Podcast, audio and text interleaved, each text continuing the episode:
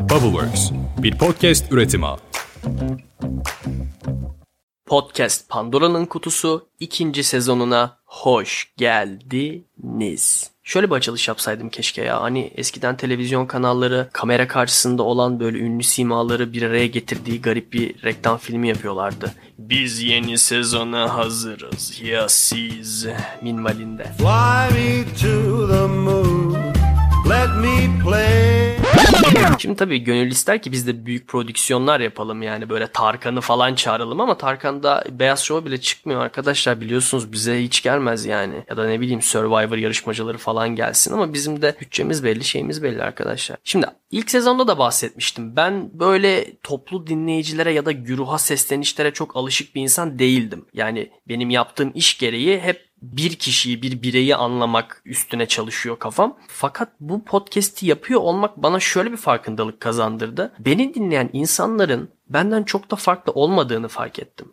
Yani hemen hemen aynı yaş grubunda olan, hayatla ilgili benzer sorunlar yaşayan, aynı türde kaygıları olan ve belki benzer gelecek planları olan insanlarız. Hayatımda ilk defa bireysel olarak tanımadığım insanlardan geri bildirimler aldım. Bu muazzam bir his. Çok beğenenler oldu. Harika bir şey bu. Eksik bulanlar oldu. Katkıda bulunanlar oldu. Bunları yaşamama vesile olduğu için bu platforma çok teşekkür ederim. Ve ben şu an hayatımın öyle bir noktasındayım ki hem bazı şeyleri daha iyi anlamak hem de bu anladıklarımı daha iyi anlatabilmek istiyorum. Ve eminim ki beni en iyi anlayabilecek olan insan sensin sayın dinleyici. Şimdi isterim ki beni biraz anla. Biraz benimle empati kur. Bu yüzden bu bölümde sana biraz içimi dökeceğim. Ben inanıyorum ki biz var olan sıkıntılara gözümüzü kapayan insanlar değiliz. Biz süre gelen düzendeki hataların, yanlışların farkında olan ve belki de bu durumun zaman zaman da mağduru olanlarıyız. Fakat biz bozuk olan bu düzeni korumak istemiyoruz ya. Biz babalarımızın, annelerimizin bu coğrafya için yaptıklarını, yaşadıklarını, zorluklarını bilen ve bunları dinlemekten yorulan ve hatta bazen de altında ezilen bir nesil haline geldik. Biz ülkesini seven ama burada yaşamaktan bıkmış bir nesil haline geldik. Çünkü biz her yeni bir şey denediğimizde önümüze boş işlerle uğraşma, ders çalış diye engel konulan bir nesiliz. Ve biz geçmişin başarılarına bağlı kalan değil, geleceği şekillendirmek için yaşayan bir nesiliz. Ve öyle olmalıyız da. Çünkü bir etrafına baksana. Bunu biz yapmazsak kim yapacak? Ve ben eminim ki yalnız değilim. Ben bu ülkenin kurucuları gelse aferin Umut güzel iş başarmışsın diyebileceği, benimle gurur duyabileceği işler başarmak isterim. İnanıyorum ki bunu sen de istiyorsun. Ben işim gereği birçok yaş grubunda insanla çalıştım. Tedavi ettim, danışmanlık yaptım ya da ne bileyim aynı ortamda bulunup fikir alışverişi yaptım. Çok fazla insanla sohbet etme fırsatım oldu. Görüyorum ki insanın yaşı biraz ilerledikçe gelecek hayallerinden uzaklaşıyor.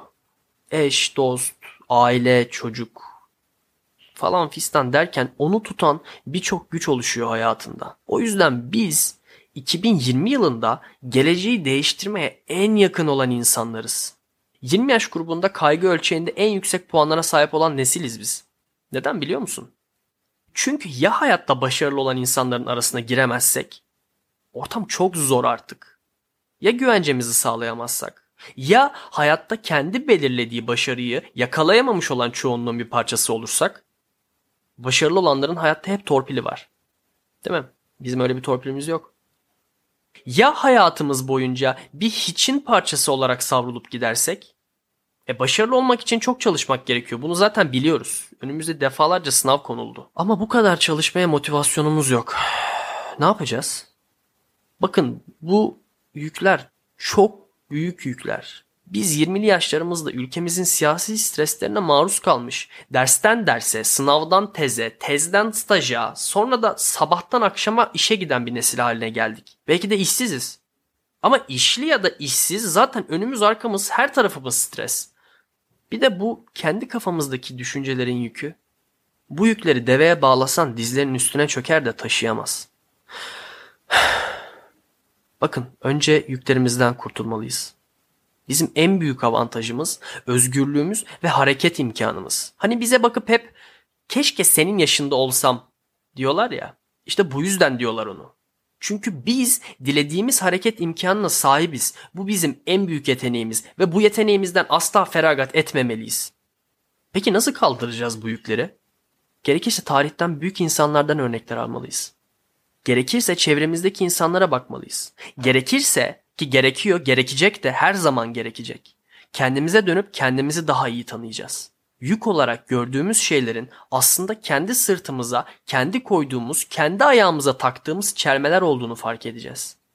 Bunların hepsini yapmak için motivasyona ihtiyacımız var değil mi? Yani bunları neden yapalım ki? Bakın ben kendi hayatımdan örnek vereceğim. Çünkü elimde daha iyi anlatacağım bir şey yok. Ben eskiden dış motivasyon bağımlısıydım. Merhaba ben Umut dış motivasyon bağımlısıyım. Ne demek yani bu? Şu demek. Birisi beni ehlediği sürece çalışıyordu benim makinem. Yoksa hareket edemiyordum. Öyle kalıyordum. Ya bir arkadaşım, ya ailemden biri, ya bir kız arkadaşım ya da öğretmenim. Hadi Umut, yaparsın Umut, aslan Umut, kaplan Umut'la ben 20 yaşıma gelebildim. Anca o kadar gelebildim zaten. Orada kaldım. Çünkü neden biliyor musunuz? Birilerinin bize verdiği motivasyonun bizi götürebileceği anca yarın, yarından sonrası yok. Özgür Hoca'nın çok güzel bir sözü var.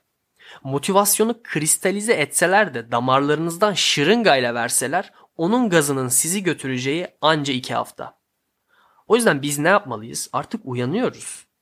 Biz hangi uğurda çalışacağımızı, hangi uğurda uyanacağımızı ve hatta gerekirse hangi uğurda uyuyacağımızı bulmalıyız. Çünkü sabah uyanacağın bir gayen olmazsa gece uyumazsın. Sabah da uyanmak istemezsin zaten. Ben bu konuya birkaç sene önce kafayı taktım.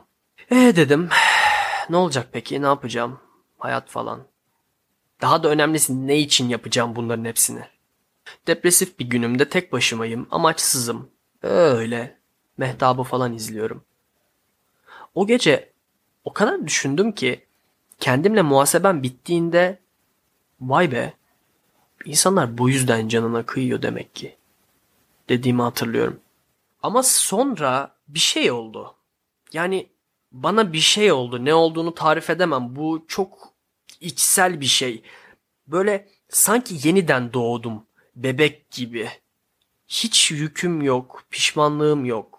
Sadece aldığım derslerim ve hayat tecrübelerim var. Ondan sonra sadece çalıştığımı hatırlıyorum. Fiziksel olarak çalıştım mesela bedenimin üstünde. Zihinsel olarak da pratik ettim. Düşüncelerimin üstüne çok çalıştım. Ve baya baya ilkokul çocukları gibi oturup derste çalıştım kitapların üstünde. Çok mu zor oldu? Evet zor oldu. Ama zorluk bir şeyin yapılmasını ya da yapılmamasını etkileyen bir faktör olmaktan çıkmıştı artık benim için. O yüzden işlere kolay ya da zor ya da uğraşlı, uzun, çetrefilli falan gibi bakmayı bıraktım. Çünkü ben gece kafamı yastığa koyduğum zaman bir gelecek görüyorum. O geleceğin içinde de bir umut. Ve yapılması gerekenler zor, uzun ya da sancılı fark etmiyor. Çünkü ben o gelecek için çalışıyorum. Bugün yaşadıklarıma şükrediyorum ve geçmişime de minnet ediyorum. Ve biliyorum ki yalnız değilim. Çünkü sen oradasın. I know you're out there. I can feel you now. I know that you're afraid. You're afraid of us. You're afraid of change. I don't know the future. I didn't come here to tell you how this is going to end. I came here to tell you how it's going to begin. I'm going to hang up this phone, and then I'm going to show these people what you don't want them to see. I'm going to show them a world without you. A world without rules and controls, without borders or boundaries. A world where anything is possible. Where we go from there is a choice I leave to you.